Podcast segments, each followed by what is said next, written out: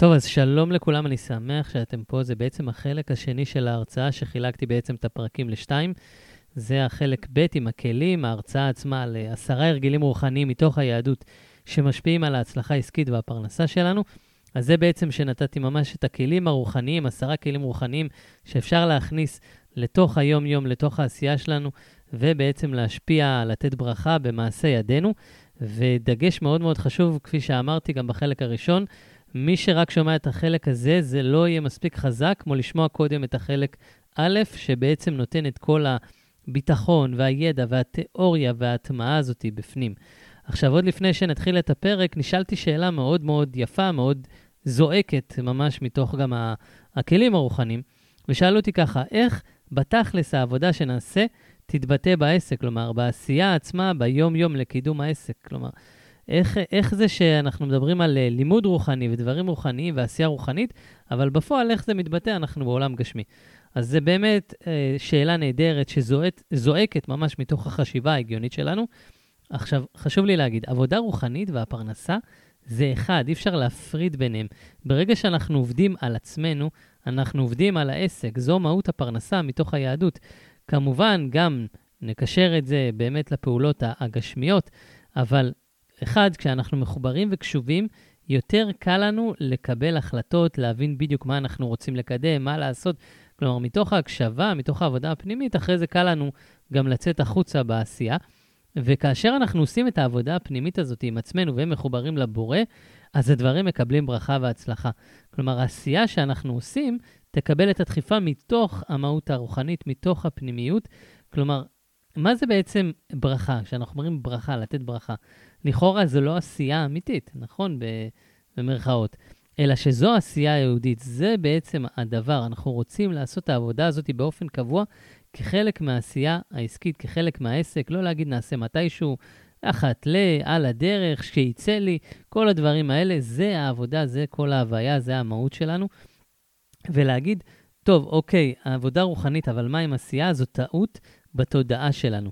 עשייה רוחנית היא עשייה לכל דבר ועוד יותר מהגשמי, וזו בעצם מהות היהדות, הרוח ולא החומר, הרוח שמשפיע על החומר, לא בחיל ולא בכוח, כי אם ברוחי אמר השם צבאות, זה רשום בזכריה, פרק ד', בקריאת ים סוף, נאמר, השם יילחם לכם ואתם תחרישום. ולסיכום, כאשר נחבר את העשייה הרוחנית ביום-יום, את ההוויה שלנו בעולם בצורה שלמה, אז העשייה הגשמית פשוט תקרה מעצמה. וממש כפי שאנחנו מבקשים בתפילה לפרנסה, בנחת ולא בצער, שהדברים יגיעו לנו בנחת ולא בצער ולא במאמץ, ויקוים בנו מקרא שכתוב, אשלך על השם יאהבך והוא יקלקלך. אז בנימה זו, אני מכניס אתכם לתוך החלק השני, לתוך הכלים, ולהבין שהדבר אחד, שאני עושה את העשייה, אני משתמש בכלים, זה בעצם פעולה אה, גשמית, וזה משפיע ונותן ברכה על העשייה שלנו. כשאני משווק, אני קורא לזה לשווק מבפנים, כשאני מדייק בתוכי, אני מושך את הדברים אליי. לפעמים אני אפילו לא צריך לעשות פעולות חיצוניות כאשר אני מגיע למצב השלם. כשאני מדייק, ומה שעוזר לי זה לבטא את הצרכים שלי החוצה.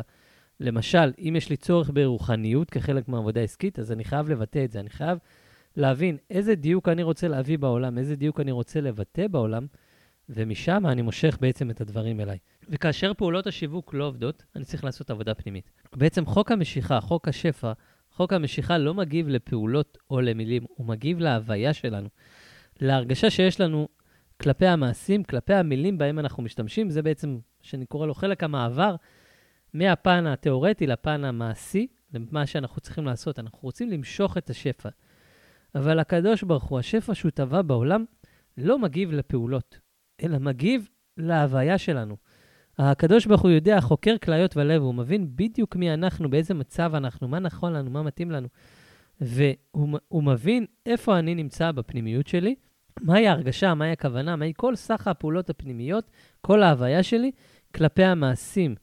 זה לא מעניין אותו מה אני אומר מה, מה, מהפה לחוץ, זה לא מעניין אותי מה, מה אני עושה ביום-יום. זה מעניין את הקדוש ברוך הוא מה ההוויה שלי. וכשאני מחובר להוויה הזאתי, אז אני מושך אליי את השפע. בעצם הקדוש ברוך הוא מנהיג את העולם. הזכרנו למה בן אדם, למה יכול לקטון, או למה יש לי חסימה בפרנסה. הקדוש ברוך הוא מנהיג את העולם במידה כנגד מידה, בעצם במעשים. אם הפרנסה תקועה, לפני בעצם אפילו שפונים לסגולות ומעשים וכל הדברים, הגמרא מלמדת אותנו כלל חשוב. אדם שאיסורים באים עליו יפשפש במעשיו. כלומר, יש מעשים שגורמים לאדם לצרות ולקושי, והם שממשיכים לתקוע אותו בחיים, ובפרט בעניין הפרנסה. וכבר שלמה המלך אמר, איוולת אדם תסלף דרכו, ואל השם יזף ליבו. הוא עושה דברים לא נכונים, הוא מסלף את הדרך שלו, והוא זועף על השם. אדם עושה טעויות שמביאים אותו למצב הזה, ובכך הוא מאשים את הקדוש ברוך הוא. אז אנחנו צריכים להיכנס פנימה. חז"ל לא באו ואמרו לנו, אדם שיסורים, שמשהו תקוע לו בחיים, אז uh, שיעשה עוד, uh, ישלח עוד פוסטים בפייסבוק, או יעשה איזה, מש... יתקן את המשפך השיווקי. לא, הוא יפשפש במעשיו, כי זה מה שמשפיע. ואיך בעצם אנחנו רוצים לעשות את זה? עשרה uh, כלים, ככה בעצם נחבר את עצמנו להוויה של, של נס, של... בעצם יש לנו טבע ונס. אולי נקרא רגע את, ה, את, ה, את הציטוט. ניסים זו תוצאה של אדם המרגיש בכל חושיו שאין טבע, אלא הכל מאת הקדוש ברוך הוא. ואז באמת מתרחשים לו ניסים, כי מבחינתו אין הבדל בין טבע לנס. ומה ההבדל בין טבע לנס? נס זה אה, מצב שאנחנו לא רגילים אליו, נכון? אנחנו פתאום נראה את קריעת ים סוף, נגיד זה נס. אבל טבע זה מצב ששמש שוקעת, שמש זורחת, זה טבע. אבל הטבע הוא נס, הוא נס שמתקיים, המחדש בטובו בכל יום תמיד מעשה בראשית. הקדוש ברוך הוא כל הזמן עושה לנו, אנחנו התרגלנו לחיות ככה, אבל הטבע הוא בעצם נס בפני עצמו. כשאישה יולדת, היא שמה שזרע וביצית נפגשים, הופך לתינוק שגדל בבטן תשעה חודשים, נולד עם עשר אצבעות, ידיים, רגליים, הכל. נו מה, לידה, טבע. לא, זה נס, זה נס. תחשבו על זה שגרעין נכנס לאדמה, נרקב בתוך האדמה, אחרי הריקבון הופך, ל... אני לא מכיר את כל התהליך באמת, אבל הופך בסוף לעץ, ואנחנו אומרים זה טבע, אבל זה נס גמור. אני אתן לכם עוד דוגמה אחרונה, ומפה נעבור בעצם לכלים. בני ישראל, כשהם אה, יצאו ממצרים, הם קיבלו מן מהשמיים. עכשיו, בן אדם שיצא ממצרים וראה מן מהשמיים, מבחינתו זה נס גמור, זה טירוף. כאילו, עד היום הוא היה רגיל לחרוש, לעשות פעולות כדי להביא לו מזון, פתאום יורד לו מזון עד האוהל, וכל מה שהוא רוצה, הוא אה, יכול לטעום במזון הזה. בא, נולד תינוק לאותו אדם שכבר נולד תינוק במדבר, והוא לא יודע מה היה לפני, נכון? הוא רגיל, אה, זה, זה מה שקורה. הוא רואה, הוא, איך שהוא גדל, וקצת הדעת אה, מתחילה להתפתח, הוא רואה ויודע שהמזון יורד מהשמיים. בשבילו הטבע זה מזון מהשמיים. וכשהוא נכנס לארץ, ואז התחיל לעבוד את האדמה, כש-40 שנה במדבר ירד המן מהשמיים, אבל כשנכנסנו ל- ל- לארץ ישראל, הפסיק המן. ואז אנחנו היינו צריכים לעבוד את האדמה ולהוציא ממנה בדיוק כמו שהיום, שיש לנו אה, חיטה, ומהחיטה יוצא לחם וכל התהליך. אז הוא ראה, הוא אמר, אני זרעתי, פתאום נוצר לי חיטה, מהחיטה אני מוציא לחם. בואנה, זה נס, הדבר הזה זה נס. מבחינת הילד שגדל במדבר והוא רגיל למן במדבר, המן במדבר זה טבע. אבל לגדל את האדמה ולהוציא ממנה מזון, זה נס. אז זה לא טבע ונס, זה איך אנחנו רואים את הדברים. וכשאנחנו נחבר את הטבע והנס, שאנחנו נראה שהכל פה נס אחד גדול, אז אנחנו נוכל להשפיע בצורה מאוד מאוד חזקה על החיים שלנו. ובנימה הזאת אנחנו נעבור לחלק השני. החלק השני יתרכז בפעולות שבן אדם יעשה. אז במידה שאדם מודד, בה מודדים לו. זה בעצם הקדוש ברוך הוא מנהיג אותנו במידה כנגד מידה. איך שאדם הולך בחיים, ככה גם יקרה לו בחיים. זה לא אומר שצריך להיות בפחד, אני עשיתי ככה, עשיתי אחרת, אני צריך להיות בהקשבה ובמודעות לדבר הזה. אז, אז זה, להיות במודעות לאיך שאני חי. אני אפילו אומר בדברים הקטנים, למשל, יש אצלי ביציאה מפרדסיה, אה, אם בן אדם רוצה לצאת מהיישוב ולפנות שמאלה, בגלל שהתנועה ככה, כל הזמן זה כזה כביש לא ראשי, כאילו, זה כביש אה, די ראשי. לפעמים בן אדם יכול לחכות איזה כמה דקות טובות עד שהוא יוכל לפנות שמאלה.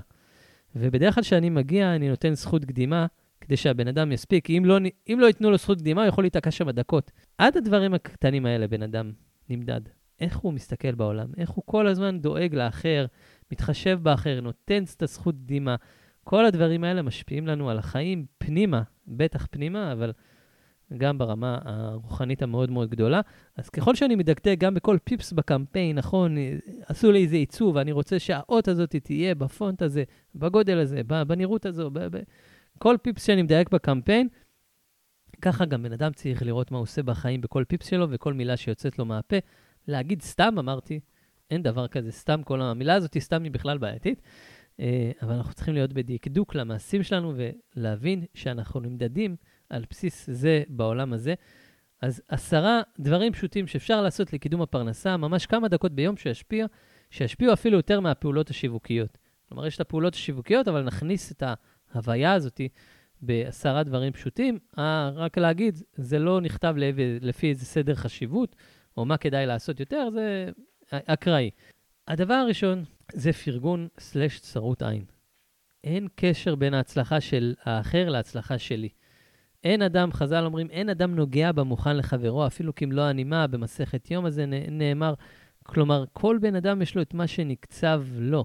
אין לי, מה, אין לי מתחרים, אין לי מי שגונב אותי, אין כל, כל דבר כזה. ובעצם כשאני מבין את זה ומתחבר לזה, אז אדם שיודע לפרגן ולהמליץ על, על האחר, גם אם הוא לכאורה מתחרה שלו, הקולגה שלו, הוא יזכה לברכה במעשה ידיו. טוב עין הוא יבורך, אומר לנו uh, שלמה בספר משלי. כשלי יש את, העין הטובה הזאת, כשאני יודע בדיוק מתי, אתם יודעים מתי יהיה לנו טוב בחיים? כשאני מפסיק להסתכל על מה שיש לאחר, ואני רואה את מה שיש לי, ואני גם מפרגן למה שיש לאחר. אז לא רק שיהיה לי טוב מצד הברכה שאני אקבל, אלא יהיה לי טוב ממש. כמו שאמרנו, אה, אה, והפותח בהשם חסד יסובבנו זה תודעה. כשאני בתודעה הזאת, אני לא צריך לשנות דברים בחיים. אני, אני משנה בפנים, ואז המציאות הפנימית שלי משתנה. ואם אני רוצה ככה להעמיק, אז השקר הכי גדול זה להשוות את עצמי לאחרים. כי אם אני מחכה את מה שיש לאחרים, וחושב שככה יהיה לי טוב, זה, זה שקר. הצלחה היא קודם כל בראש שלי. שם זה נמדד. זהו השיר השמח בחלקו. כשאני מבין את זה, אז אני יכול להתחבר ולפרגן ולהשפיע עליי שפע בשתי צורות. גם באותו הרגע ממש, להרגיש איך אני מלא, מתמלא, זו תחושת מלאות. והדבר השני, מי שאנחנו יודעים, הקדוש ברוך הוא מנהיג אותנו. אתה מפרגן, אני אדאג שגם לך יפרגנו ואני אפרגן לך. אם אתה יודע לפרגן על יציר כפיי, בן אדם פה בעולם שאני מטפח, וזה בעצם הבן שלי, ואתה מפרגן לו, אז למה אני לא אפרגן לך כאבא אוהב גם לך? אז זה הדבר הראשון. אפשר להכניס את זה ב... ב למצוא מישהו ול, ולהיכנס, ל, לעשות לנו, אם אני אתן לך איזה, איזה, איך לעשות את זה, להוריד את זה לקרקע, לחשוב בחשיבה על מישהו, אפילו מישהו שהוא, בואו נתחיל ממישהו שאני אוהב ולפרגן לו בפנים, בכוונה, לשלוח לו אנרגיות טובות. אני יכול להיכנס לפוסט בפייסבוק שלו ולהגיב לו ולפרגן לו כמה הוא טוב וכמה הוא מוצלח. ואם אני רוצה לקחת את זה לרמה אפילו יותר קשה, אז לחשוב על מישהו שמבחינתי הוא בתח... אני בתחרות איתו כרגע, עד שאני אעביר את זה למצב שאני מבין שאין תחרות, ולפרגן לו, אם זה בפנים, אם זה בלב, לאחל לו הצלחה, לשמוח בהצלחה שהוא, שהוא מעלה איזה פוסט, ו... ולשמוח בהצלחה שלו, להגיד איזה יופי, ואפילו אם אני לוקח את זה עוד צעד אחד יותר, ממש לרשום לו איזה מגניב, איזה כיף, תצליח, שיהיה בהצלחה בקורס החדש שאתה פותח, בכל דבר שאתה עושה. אז זה הדבר הראשון, הפרגון. דבר השני זה תודה. הודיה היא מרכיב קריטי ביהדות. אנחנו פותחים את הבוקר במודה אני, מיד איך שאנחנו קמים. אנחנו מברכים בברכות השחר שעשה לי כל צורכיי. אני כל הזמן מודה לקדוש ברוך הוא על מה שיש, ואני שמח, וזה בעצם השיר האמיתי. ואני גם זוכה לקבל עוד, כי מי שתמיד בתודה, מי שתמיד בתחושה הזאת, בהוויה הזאת, אז הוא מקבל עוד. ותודה זו תחושה של מלאות. וגם תמיד כיף לנו, תמיד כיף לתת למישהו באנרגיה כזו, באנרגיה של תודה. אז פיזית, כיף לי לתת לו. וגם באמת, הקדוש ברוך הוא מסובב, שהוא רק ימשיך להודות. הוא אומר, אתה מודה על זה, בוא ואני אתן לך סיבות הרבה הרבה יותר טובות על מה אה, להודות. ואם ככה נוכל להעמיק בזה עוד יותר, אז אפילו להודות גם כשכרגע הדברים לא מסתדרים כמו שאני רוצה. כי אנחנו יודעים, כל מאן דוד רחמנא לטב אביד. כל מה שהקדוש ברוך הוא עושה, הוא עושה לטובה. מפה גם נוצר המושג, אה, הכל לטובה. יש ספר מאוד מאוד מומלץ שנקרא אמרתי תודה ונושעתי של הרב שלום ארוש, שם הוא ממש מרחיב על עבודת התודה, על, על איך להגיד תודה, מאוד מאוד מומלץ. ואנחנו יודעים שביהדות, קודם כל הקדוש ברוך הוא ברא את העולם, ויהי ערב ואז ויהי בוקר. זה יום אחד. קודם כל יש את החושך, קודם כל יש את האי-הצלחה, קודם כל יש את הקושי, זה חוק בריאה. אחרי זה, ויהי בוקר. כל בן אדם אה, יודע שהשמש שקעה, כרגע זמן של חושך. אין לנו מה, אתם יודעים, תחשבו שאתם לא הייתם מכירים את העולם, הייתם מכירים עולם של רק שמש, פתאום יש שקיעה. הייתם מתחילים להיכנס ללחצים, זהו, סוף העולם הגיע. אנחנו, כל אחד יודע שיש זריחו, שקיעות בחיים ויש זריחות. כל, זה, זה תהליך טבעי של העולם שכל הזמן מראה לנו. הבורא כל הזמן מזכיר לנו, השמש שקע, השמש תזרח. השאלה היא איך אנחנו חיים בזמן של בין אה, שקיעה לזריחה. זה בעצם השאלה הגדולה. איך אנחנו חיים בזמן של אי-הצלחה? אם אנחנו ממשיכים להודות גם בזמן הזה, האדם הבוטח, הבוטח בהשם, חסד יסובבנו, זאת הודעה וזו הוויה שבן אדם צריך לחיות גם בזמנים של, אה, דבר, זמנים של שקיעות, נקרא להם זמנים של אי-הצלחות. זה איך אדם אוכל את החצץ ואיך הוא מתמודד איתו בהבנה. אז כבר מבינים שיש פה מנטליות, זה חלק מאוד מאוד חשוב אה, בדרך היהודית. אז זה הדבר השני, התודה. הדבר השלישי זה כיבוד הורים וגמילות חסדים. נאמר במשנה, אלו דברים שאדם אוכל פירותיהם בעולם הזה, והקרן קיימת לו לעולם הבא. זה כיבוד אב ואם וגמילות חסדים והבאת שלום בין אדם לחברו. כלומר, במצוות כמו כיבוד הורים, יש שכר גם בעולם הזה שלא נגרע מהשכר לעולם הבא. אחד האמצעים לתת את השכר הוא פרנסה טובה. כשאדם, הרבה פעמים אנשים אומרים לי, בטח עכשיו אתם יודעים, בגילאים, לא יודע, כל אחד והגיל שלו, אני בן 35, אנשים בני 40, 50, הרבה מהם יש להם מה שנקרא צער גידול הורים. כן, הגלגל מתהפך, והם עכשיו צריכים לטפל בהורים שלהם. אם זה ברמה של בריאות, אם זה ברמה שאימא שלי יכולה להתקשר אליי כל כמה ימים, עם אה, דבר טכנולוגי הכי בסיסי בעולם. פעם הייתי מתחרפן מזה, היום אני משתדל להיות הרבה יותר ב, ב, ככה בחמלה, ולהגיד, אני זוכה במצוות כיבוד הורים, גם אם זה ללמד אותה איך להעתיק, העתק הדבק במחשב. והרבה פעמים אנשים צריכים להיות עם ההורים שלהם לא מעט, שבועות ולפעמים חודשים, וזה מאוד מתסכל. אתה אומר, רגע, אני רוצה לקדם את עצמי, אני רוצה לקדם את העסק. ולכאורה ההורים שלי תוקעים אותי, כן? לכאורה, אני ממש אומר את זה ב- ב- בעדינות. אני יכול להגיד לכם שאני שמעתי לא מעט מאנשים שהיו עם ההורים שלהם, אמרו לי, לא שיווקתי באותו חודש, לא היה לי זמן, הייתי צריך לטפל באבא, באימא, וזה היה החודשים הכי טובים שלי בעסק, זה מצמרר אותי עכשיו להגיד את זה אפילו, כי זה, זה בדיוק זה. זה בדיוק זה להגיד, הקדוש ברוך הוא אומר, אתה דואג להורים שלך, זה הזמן שלך, אני אדאג לך, אל תדאג. אני אבא, שלושה שותפים באדם. הקדוש ברוך הוא אבי ואימו. אני תמיד אהיה אבא שלך. אתה כרגע אולי צריך לעשות פעולות שלכאורה אתה חושב שאתה לא מתקדם, אבל אתה רק קידמת את עצמך יותר, כי אתה הסרת את כל היעדים ואת כל מה שאתה חשבת שצריך לקרות. אז כיבוד הורים ובכלל גמילות חסדים, אדם צריך להגיד, אני, אני עושה את זה, זה לא גורע ממני בעסק, אפילו יכול, ניתן איזה תרגיל, פעם בשבוע, פעם ביום, כל אחד כמה שהוא רוצה, מה הכיבוד הורים שאני עושה היום? או השבוע? מה הכיבוד הורים ש... או הגמילות חסדים שאני מכניס לחיי? תכניסו את זה לתוכנית העסקית שלכם, ממש ככה. יש תוכנית עסקית להוציא פוסט לזה. איפה נכנס גמילות חסדים? בשיווק העסק שלי בהוצאת הקמפיין. מדהים, מדהים. הדבר הרביעי זה צדקה. כשאני נותן לאחר, אני פותח שערי שמיים. ולמה? כי כשאני מחובר ואני מבין שהכסף זה אנרגיה, זה פשוט עובר מיד ליד, אני זוכה לקבל ברכה. הקדוש ברוך הוא אומר, ובאו עליך כל הברכות האלה והשיגוך. מתי זה קורה? כשאני חי בדרך האלוקית, שאני מבין שאני שליח פה של העולם, הבורא שם אותי ואני מחלק לאנשים אחרים, אני נהיה בורא, סוג של בורא בעצם בעצמי. ו, וזה דבר עצום, כאילו שאני אני, אני יכול לשנות ולהיות ממש כמו שהבורא טוב ומיטיב, וכל הרצון של הבורא בעולם הזה, זה להיטיב לנו.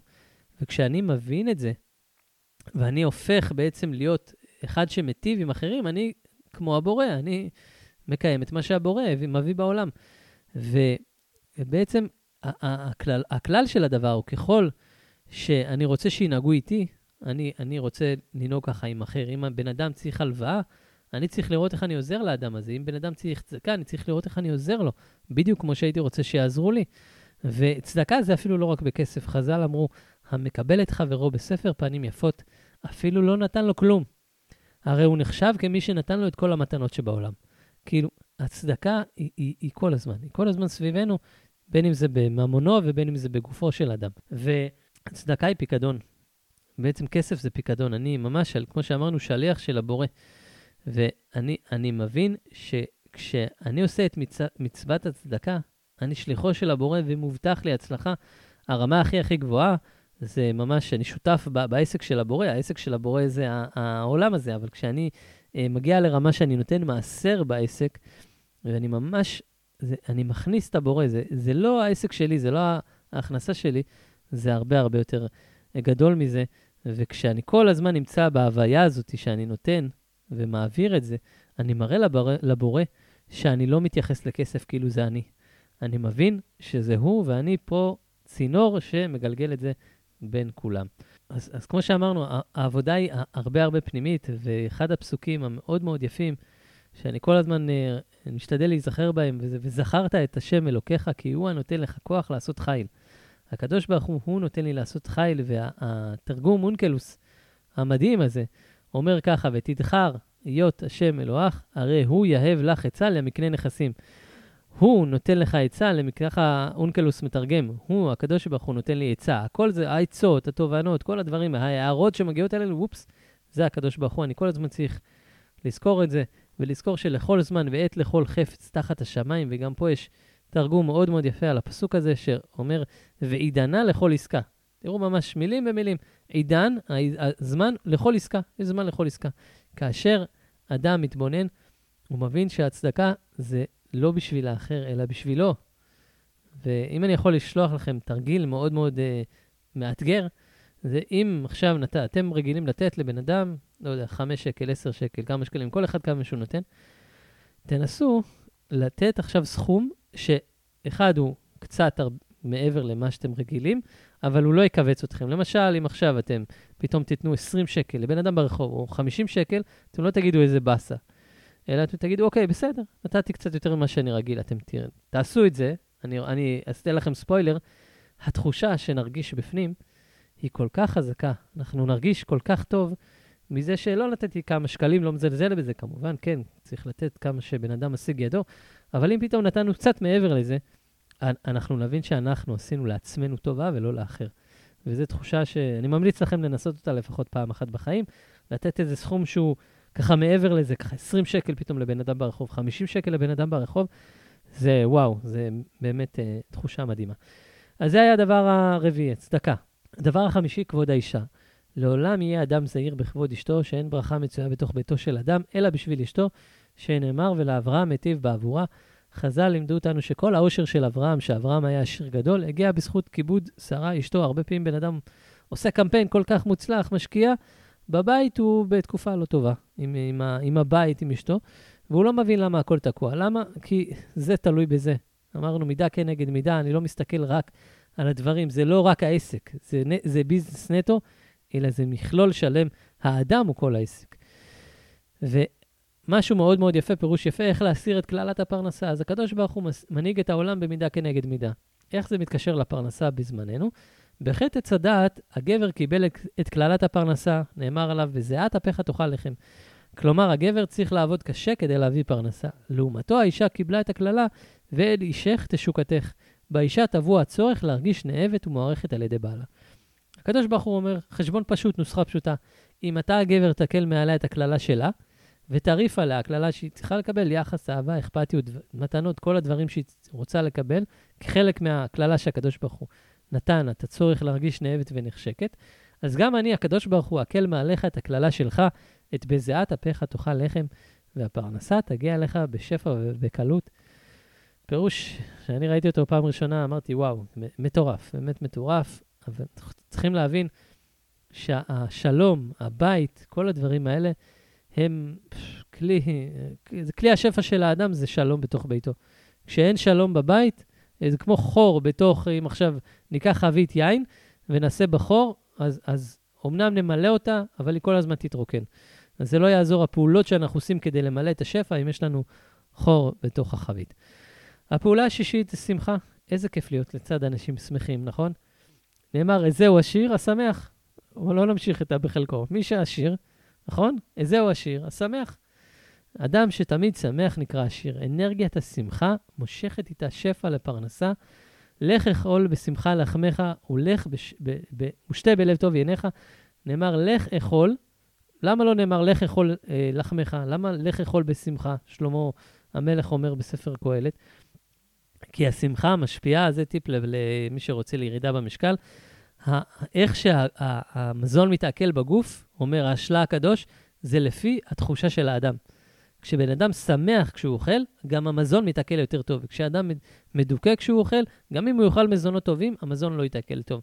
אז השמחה משפיעה על הגוף הפיזי שלנו כשאנחנו אוכלים, משפיעה על האנרגיה הרוחנית שלנו לפרנסה. אנחנו רוצים להיות בשמחה. נאמר, אין הנבואה שורה לא מתוך עצבות, אלא מתוך שמחה. נבואה, שתשרה על נביא, נבואה, לא יכול להגיע לזה מתוך עצבות, הוא חייב להיות בשמחה. ואדם שמח, הוא מחובר לדבר, הוא נהנה בעשייה שלו.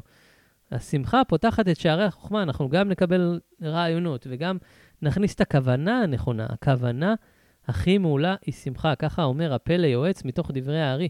כשאני, זה לא מספיק רק לעשות את הפעולה, נכון? דברים לא הצליחו, צריך לראות איך אני עושה את הדברים, ולא אני עושה אותם ומסמן עליהם וי. אוקיי, אני צריך להוציא מייל, אני רושם את זה, רושם כמה מילים, יאללה, הוצאתי מייל, send, ביי.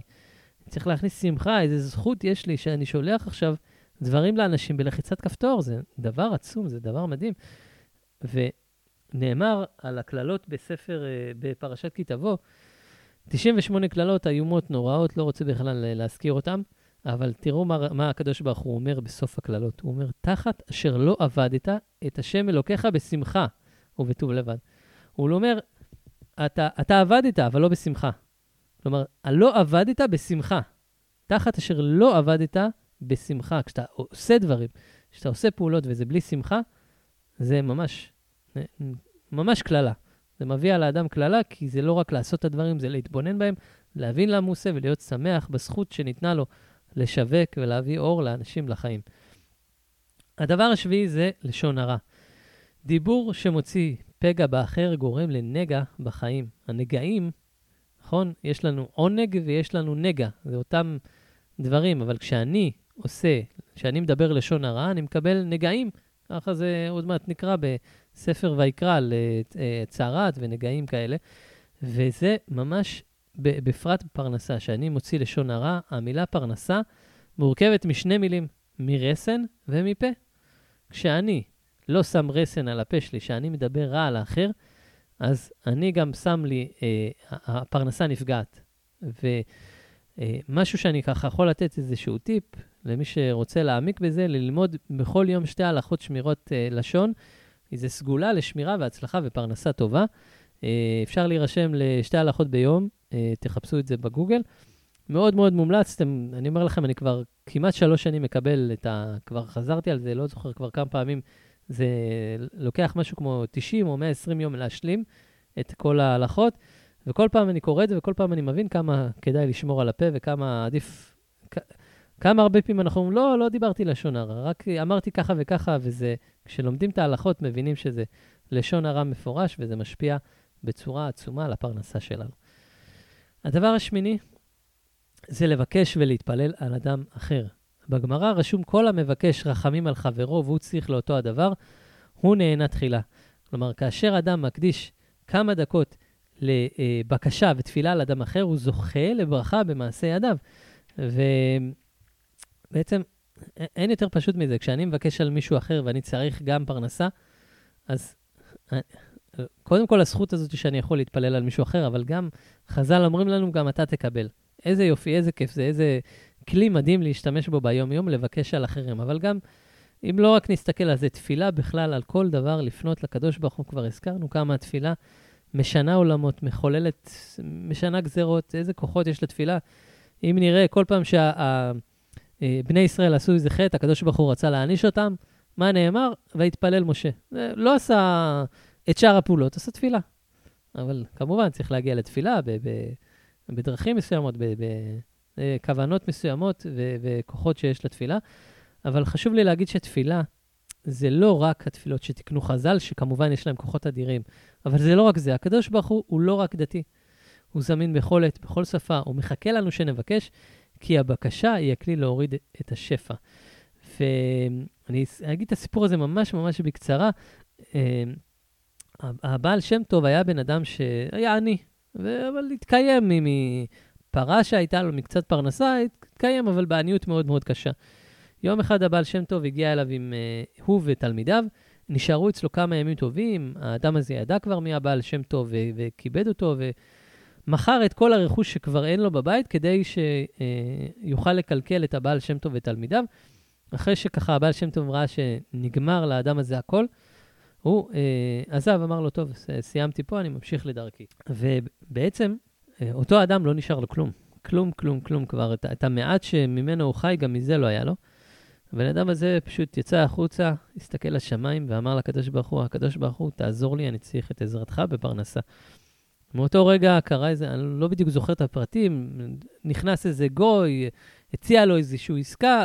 בכל מקרה, מאותו רגע נוצר לו תהליך של התעשרות ממש בקצב מסחרר.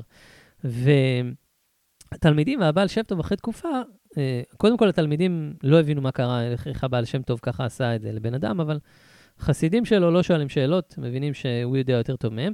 אחרי איזו תקופה הם עברו בדרך, ואמרו, רגע, זה האדם הזה שהיינו אצלו. בוא'נה, איזה, איזה בית, איזה, איזה עושר, איזה... הוא היה עני מרוד. ואז הם שאלו אותו, מה היה פה? מה, היה פה איזה משהו. הבעל שם טוב אמר להם, תקשיבו, אותו אדם, ראיתי שמובטח לו שפע מאוד גדול בשמיים. אבל הוא לא מבקש. הוא באמת שמח בחלקו, שזה נהדר. אבל גם צריך לדעת לפעמים לבקש. והוא לא ביקש, לא ביקש, לא ביקש. השפע הזה היה פשוט נמצא שם ולא יכל לרדת. אני גרמתי לו לבקש. אני אמרתי, אני אביא אותו למצב שאין לו ברירה אלא לבקש. וברגע שהוא ביקש, זה הוריד את השפע. אז התפילה זה הדרך שלנו להוריד את השפע לעולם. וכמו שאמרתי, הקדוש ברוך הוא לא רק דתי, זה לא רק תפילות שחז"ל תיקנו. בן אדם יכול לעשות התבודדות, בן אדם יכול לשבת בבית, בן אדם יכול לדבר בשפה שלו ולהגיד, הקדוש ברוך הוא, אני צריך כל אחד ומילותיו הוא. זה שיחה בינינו לבין אבא שבשמיים. אז זה היה לגבי תפילה. וגם להתפלל על האחר, שזה זכות מאוד מאוד גדולה. הדבר התשיעי זה הלנת שכר או הלוואות.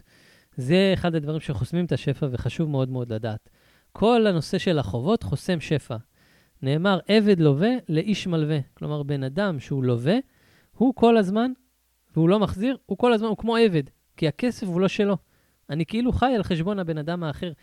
אז אנחנו בתור בעלי עסקים צריכים לראות אם יש לי הלוואות, שאני לא, לא מדבר על הלוואות שלקחתי לעסק ואני מחזיר לפי פריסת תשלומים, זה אני מחזיר, זה כבר קבעתי עם הבנק את התנאים.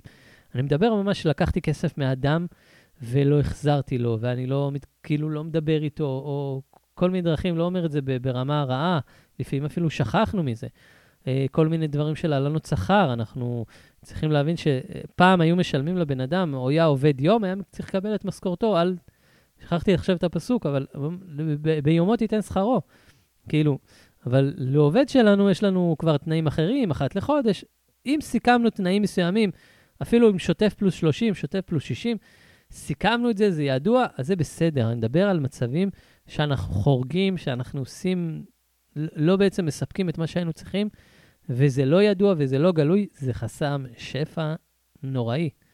בן אדם יכול לעשות את כל הפעולות, זה פשוט יחסום לו את השפע. אז אני שם את זה פה בשבילנו לבדוק. שוב, אני אומר, זה הרבה פעמים לא בכוונה, לעשות איזה בדק בית, לשבת היום, מחר, השבוע, לעשות בדק בית. אם בן אדם מרגיש שאני עושה הכל וחסום לי, זה אחד המקומות שהייתי ממליץ מאוד מאוד בחום לבדוק אותם.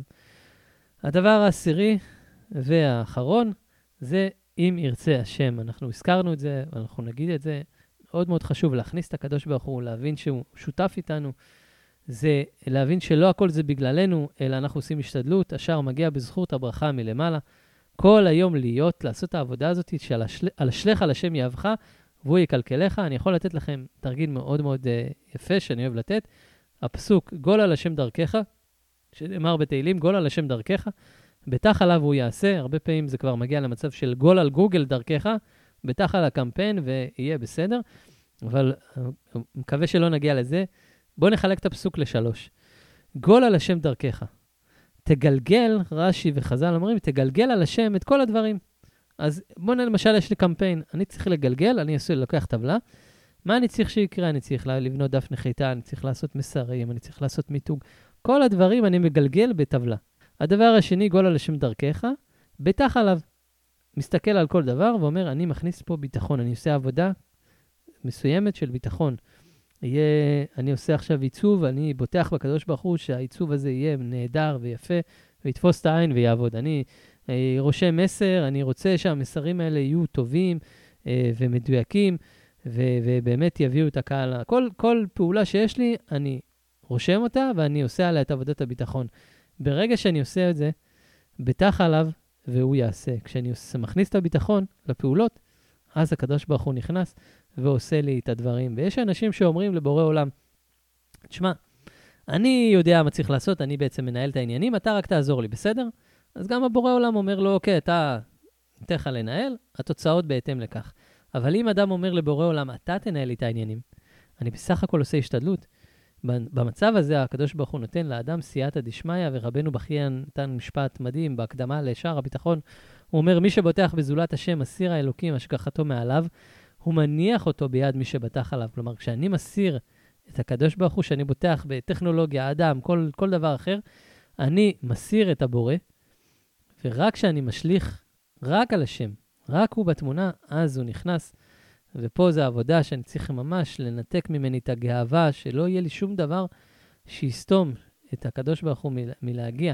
אני צריך כל הזמן לראות שיש, אין, אין איזה סדקים שמונעים מהקדוש ברוך הוא אה, לברוח. אז באמת, אלה היו עשרה דברים, וחוץ מהתחושה הפנימית המדהימה שזה עושה, הריפוי הפנימי שזה מביא לעצמנו, כל ה...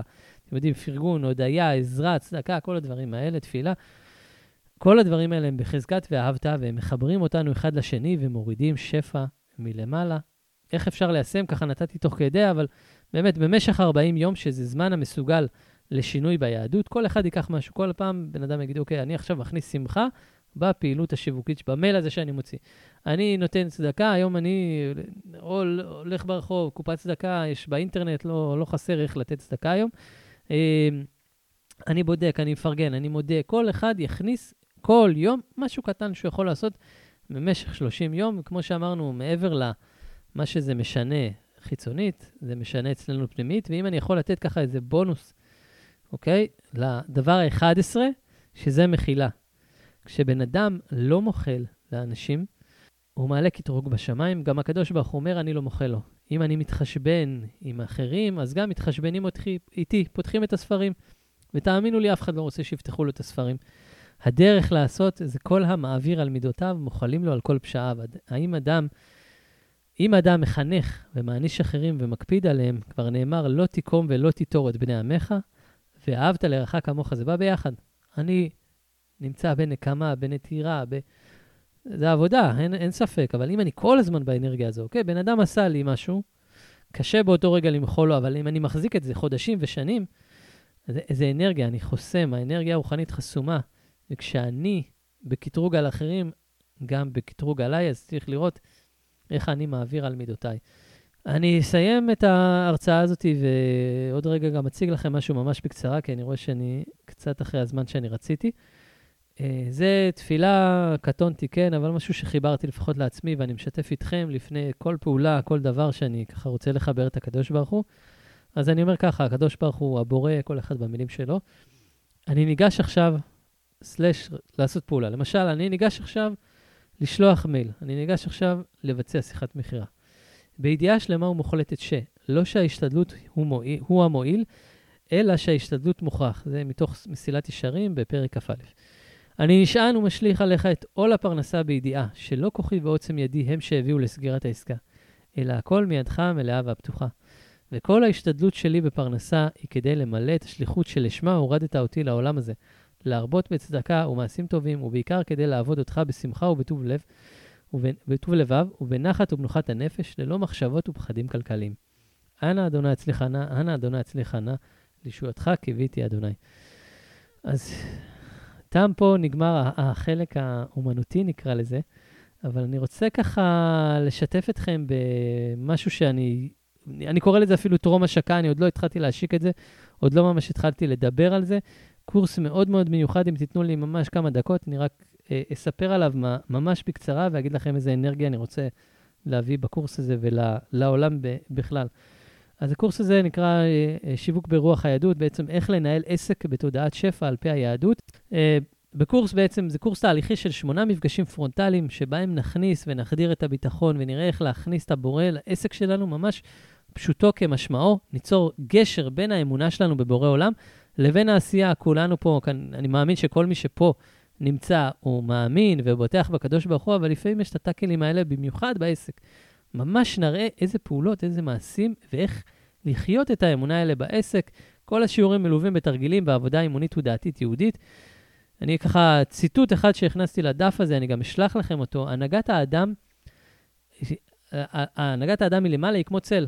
אם אדם בטוח שהקדוש ברוך הוא ידאג לו לכל צרכיו, גם למעלה ממלאים לו כל משאלותיו. אבל אם אדם דואג תמיד על פרנסתו, אזי גם למעלה יחסר פרנסתו. אז כלומר, העבודה שלנו היא לבטוח בקדוש ברוך הוא, זה מתוך ספר קדושת הלוי של הרב לוי יצחק מברדיצ'ב. ותראו, אומרים לנו שלהצלחה יש נוסחה, שיש שיטה, שאם נעשה ככה נצליח בוודאות, אבל אני יכול להאמין שחלק מכם שנמצאים פה עושים את כל מה שצריך, ולא מגיעים לתוצאות בחיים, וכמו שאמרתי, אני הייתי ארבע שנים עוסק פטור, עשיתי כל מה שאני יכול, לימדתי אחרים ולמדתי בעצמי, וכל דבר לא הביא אותי להצלחה שרציתי. אה, לא הביא אותי מעל לעוסק פטור, כן? וברגע שהתחלתי לחזור אל המקורות היהודיים, אל המקור, אל הבורא, והתחלתי להכניס את הפעילות הזאת אליי בתוך החיים, חלק מהעשייה, גם את הפעולות שאני לימדתי פה ועוד הרבה הרבה דברים אחרים, אז הצלחה קרתה תוך כמה חודשים, הפכתי להיות uh, עוסק מורשה, ומאז, ברוך השם, העסק uh, גדל, וגם בא הרבה הרבה יותר בקלות. ובעצם הקורס הזה יביא את הגשר הזה בינינו לבין הבורא, לבין הפרנסה, לבין החיבור שלנו לשליחות שלנו בעולם. ואם הייתי צריך לשים את. כל תורת הפרנסה על רגל אחת, כמו שרבי עקיבא אמר, כל התורה על רגל אחת זה ואהבת לרעך כמוך, אז אם הייתי צריך לשים את תורת הפרנסה על רגל אחת, זה האדם הבוטח בקדוש ברוך הוא, שייתן לו כסף, לא יחסר לו כסף בחיים. זה נשמע קסום. איך מגיעים לזה? זה תהליך שצריך לעבור ממקום של להאמין ללחיות, למקום של לחיות ולעשות בביטחון. איך הקורס הזה עובד? אז זה שמונה מפגשים פרונטליים. אזור המרכז עוד לא ממש סגרתי, אמרתי לכם, זה ממש טרום השקה. אה, אזור, אה, בערך אזור אה, המרכז של, עכשיו ברח לי, גבעת שמואל שם באזור, כל המפגש יהיה כארבע שעות. המפגשים יהיו עם תרגילים ועבודה אימונית ודעתית יהודית במהלך השיעור ובהמשך השבוע. אני רואה את זה באמת כקבוצה. אנחנו, נאמר, לא טוב היות האדם לבדו, ונאמר, עשה לך רב וקנה לך חבר. אני לא קטונתי להגיד על עצמי כרב, אבל כמי שילווה את הקורס הזה, אז באמת אנחנו רוצים הכוונה בחיים, שמישהו יכווין אותנו, ואנחנו רוצים חברים שיהיו סביבנו. אני רואה את הקורס הזה כקבוצה, כמשפחה, כאנשים שמדברים אמונה ופרנסה ועוזרים אחד לשני. זה יקרה גם בקבוצה עצמה, גם כל הזמן מחזקים גוף ונפש, גם במסרים יומיים שניתן. אני, מי שמכיר אותי, אני נותן מסרים יומיים בקבוצת הוואטסאפ שלי, אז אני יכול להגיד לכם שיש לי עשרות מסרים שאני יכול להעביר ביום, ומבחינתי, מי שיבוא לקורס הזה יקבל אותם מסרים מאוד קצרים, אה, אה, אם זה שיעורים שאני רואה, קטעים, לשלוח, כל הזמן שנהיה בעבודה הזאת של חיבור לקדוש ברוך הוא, חיבור העסק שלנו. ויעקב אה, אבינו אמר לפני מותו, האספו ואגיד עליכם מה שיקרה באחרית הימים. המילה אספה זה אוסף של נש, נש, נפשות, כלומר שיעקב אבינו הביא את בניו סביבו, זה אסופה של נפשות, ככה אני רואה את הקורס, זה אסופה של אנשים שכל אחד מביא את, ה, את הדבר שלו בעולם, אבל ביחד יש לנו מטרה משותפת, אנחנו עוזרים אחד לשני, מחזקים אחד לשני, ואנחנו ממש אה, מביאים גאולה לעולם, פשוטו כמשמעו, כל אחד עם הייעוד שלו, כל אחד עם העזרה שלנו כקבוצה, ואני כ... מי שככה אחראי לאגד את כל הדברים ושזה ירקום עור וגידים, כל אחד יקבל גם יחס אישי. זה, אני תמיד אומר, הרבה אנשים פונים אליי אה, בליווי אישי, אומרים, לא, עזוב אותי מקבוצה. עכשיו, קודם כל הפסקתי עם הליוויים האישיים כרגע, לפחות זה לא, אתם יודעים, יש כזה טריקים, מניפולציות, אני לא לוקח אה, יותר ליוויים אישיים כדי אה, שכולם יבואו לקורס, זה לא זה, אני פשוט לא לוקח. כאילו, גם אם הקורס הזה, אה, לא, אני אפילו לא אוציא את זה מהפה. כאילו, הקורס הזה יצא לאור בעזרת השם. אני פשוט לא, לא לוקח כרגע ליוויים אישיים, אין לי את הזמן, אין לי את ה-capacity, אין לי את היכולת, אין לי את, ה, את, ה, את הרצון גם, כי אני יודע כמה כוח יש לעבודה הקבוצתית הזאת, אז כל אחד גם ייהנה מעבודה קבוצתית, וגם ייהנה מיחס אישי שאני נמצא שם ומבין את העסק ונותן עצות לעסק שלו, אז יש פה ווין ווין של גם עבודה קבוצתית וגם עבודה אה, אישית. ואני ממש רואה את הקורס הזה כ"ואהבת לרעך כמוך". סילבוס השיעורים, אני אעבור עליו ממש בקצרה, זה בנוי על בסיס uh, תורתו של, uh, של הבעל שם טוב. אה, אה, מי שמכיר, הכנעה, הבדלה, המתקה, וחלק רביעי, זה, שלושה, זה ארבעה חלקים בעצם, כל חלק הוא שני מפגשים. ההכנעה זה מהאחיזה לשחרור, ממש נראה איך להפסיק טיפה לשחרר את ההגה הזה, לשחרר את העול הזה, ולראות איך להכניס את הקדוש ברוך הוא ולהיות ברגיעה, איך עושים את זה, שני שיעורים, התעסקו לזה. אחרי זה נביא את החלק של ההבדלה, שזה החיבור לעצמנו, שאמרנו, מכל משמור ניצור ליבך, כי ממנו תוצאות חיים, איך אנחנו מביאים את עצמנו בתוך העסק הזה, מתחברים ללב, עושים את החיבור של בין עסק ללב. משהו שראיתי ששכחתי להביא, זה, איפה זה? ראיתי אה, אה, לפני כמה ימים שיעור של הרב אייל ורד. הוא אמר ככה, הוא דיבר על, על המן במדבר, הוא אומר שבחירת המקצוע של האדם היא נקודת המפגש של האדם עם השכינה. מדהים. כלומר, אדם צריך לקחת ברצינות, לבחור מה שיש בו כסף או מה שיש בו ביקוש, זה, זה לא זה. כלומר, ה, וכבר הזכרנו את המקור של בשער הביטחון, אבל זה מילים מדהימות. המפגש של האדם עם השכינה היא בבחירה שלו, בבחירת הלב ובמקצוע שלו. אז זה יהיה החלק הש, השני. החלק השלישי זה החלק של ההמתקה, של איך להביא הנהגה מושכת שפע על האדם, איך להכניס את זה, את מתיקות הבורא, את המעשים, את הסגולות, את, כל היום לעשות את העשייה הרוחנית, שהיא בעצם מה שממש משפיע, איך להכניס את זה בעסק ולמשוך הנהגה שמושכת שפע. והחלק הרביעי גם נדבר על מ, מרוח לחומר, איך לעשות את זה פרקטי, בצ, בכלים מאוד מאוד פשוטים, ב, ב, ממש איך לעשות את זה דוגרי, בתכלס, בלי יותר מדי uh, טררם ו- ו- וכל היום להתעסק עם זה. גם בזה נעסוק בקורס. יש פה, אני אשלח לכם, יש פה עדויות מאוד מאוד uh, יפות של uh, אנשים, למי זה מתאים, למי שמרגיש שיש את עול הפרנסה, דאגה, הוא לא מגיע לתוצאות הנכונות. רוצה להבין את ההשתדלות הנכונה, להגיע לאיזון בחיים, זה מתאים לדתיים, לחילונים, לבעלי עסקים, גם לשכירים זה מתאים. שפע לא מוגבל, לקבל בונוסים, לקבל העלאה בשכר, זה לא מוגבל אצל הבורא. אז זה, זה מתאים לכולם, זה בעיקר מתאים למי שניסה הכל, לא הצליח, עבר קורסים, עבר תוכניות, לא משנה מה הם עושים, זה עדיין לא עובד. אני בעזרת השם מקווה שהקורס הזה יפתור לכם את כל הדילמות. הקורס הזה זה קורס פיילוט, זו פעם ראשונה שאני עושה את זה, בגלל זה גם יש מחיר מיוחד. המחיר הוא 1,600 ש"ח בלבד, כולל מע"מ, אפשר לחלק לחמישה תשלומים של 320 ש"ח, והמחיר הזה יכפיל את עצמו בעזרת השם במחזור הבא, לא כי, כי פשוט זה באמת מחיר אה, השקה מיוחד. למה אני עושה את זה, וזה חשוב לי שתבינו. זו פעם ראשונה שאני מעביר את התכנים, אני סוג של, הכל כתוב, כל הסילבוס מוכן, אני סוג של, נקרא לזה, מתנסה איתכם בזה, אז אני צריך את העזרה שלכם. בגלל שאתם פה לעזור לי, לדייק, להיות חלק מהדבר הזה, אני נותן גם מחיר שהוא כמעט יהיה חצי מה... לא יודע בדיוק כמה יהיה המחיר המלא, באזור ה-2,800, 3,000 שקל, משהו כזה.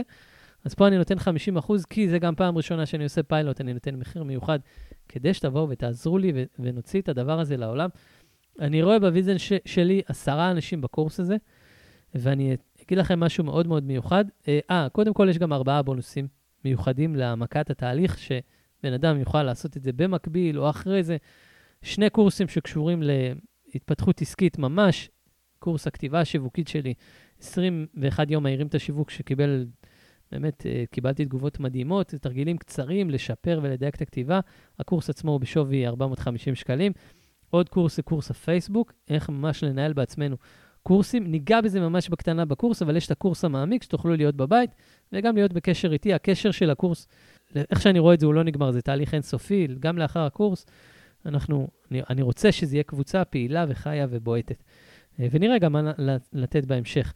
אה, ועוד שני קורסים ש mastermind רוחני עם, עם, עם החכם באדם, קורס אה, דיגיטלי של ארבעה מפגשים של קהלת ועסקים, איך לקחתי את ספר קהלת וחיברתי אותו לחיים העסקיים שלנו, וקורס של שער הביטחון להביא לקוחות בכוח האמונה, זה קורס דיגיטלי עם שמונה שיעורים, שמתוך שער הביטחון ממש הראיתי איך להכניס את האמונה ב, ב, בתוך העסק ולהביא הצלחה מאוד מאוד גדולה. אז כל הדברים האלה, מי שמצטרף לקורס יקבל את זה כבונוס, ועוד דברים מדהימים שמתוכננים והם עדיין לא רשומים, כי אני לא רושם משהו עד שהוא לא סגור ו, ו, וברור. אמ, אז זה בעצם לגבי הקורס. רציתי להגיד, אה, בקורס הזה אני אוציא משהו, ואתם יכולים לקחת את זה גם לחיים אתכם. אני רואה את זה כקורס של עשרה אנשים, שאנחנו, כמו שאמרתי לכם, אספה של אנשים שמביאים את עצמנו לידי ביטוי, עם מטרה משותפת, כל אחד יכיר את העסק של השני. יש משהו שאני קורא לו גם שיווק, אה, שיווק מניין, שיווק רוחני. מה אפשר לעשות? אז, ביהדות עשרה אנשים יש להם כוח, אי אפשר לעשות מניין, אי אפשר לעשות תפילה, אפשר לעשות תפילת יחיד, אבל תפילה במניין צריכה להיות מעשרה אנשים ומעלה. למה? כי יש כוח לעשרה אנשים. כשעשרה אנשים, כל אחד מכוון אחד על השני, יש לזה כוחות מטורפות למעלה בשמיים. אחד התרגילים שאני הולך להביא, אתם יכולים לקחת את זה ולבחור עשרה אנשים ולעשות את זה איתם, אבל אני מניח שבקורס ובהכרה של איש-איש אחד את השני, וגם את העסק, יש לזה כוחות מאוד מאוד חזקים, שכל יום נבחר מישהו ונכוון אליו. מה זאת אומרת? עכשיו, יש עכשיו, נגיד, דפנה נרשמה לקורס. דפנה יש לה קורס לאימון זוגי. והיא היום רוצה שנשים כוונה להביא יותר אנשים לקליניקה. או היא היום פותחת קורס, היא רושמת בקבוצה, כל אחד יהיה לו את היום שלו, כמובן יום-יום לעשרה אנשים, או כמה שנהיה, וכל אחד יכוון אחד על השני. באותו יום, בבוקר, היי, שלום, אני רוצה שתשימו לי כוונה היום על, אה, אני משיקה קורס חדש. כל אחד ככה יעצור דקה, שתיים, ירשום מילים, ישלח איזה הודעה, רק יעצור ויחשוב. יש לזה סגולה מאוד מאוד חזקה שעשרה אנשים מתכווננים להצלחת האחר, מתוך ואהבת לרעך כמוך, ורוצים בתוצאת האחר. זה רק כלי קטן שאני ככה זורק לכם אותו פה, איך שאני רואה את הקורס ומה שזה יעשה. אז תודה רבה על ההקשבה, תודה רבה שהייתם, אני...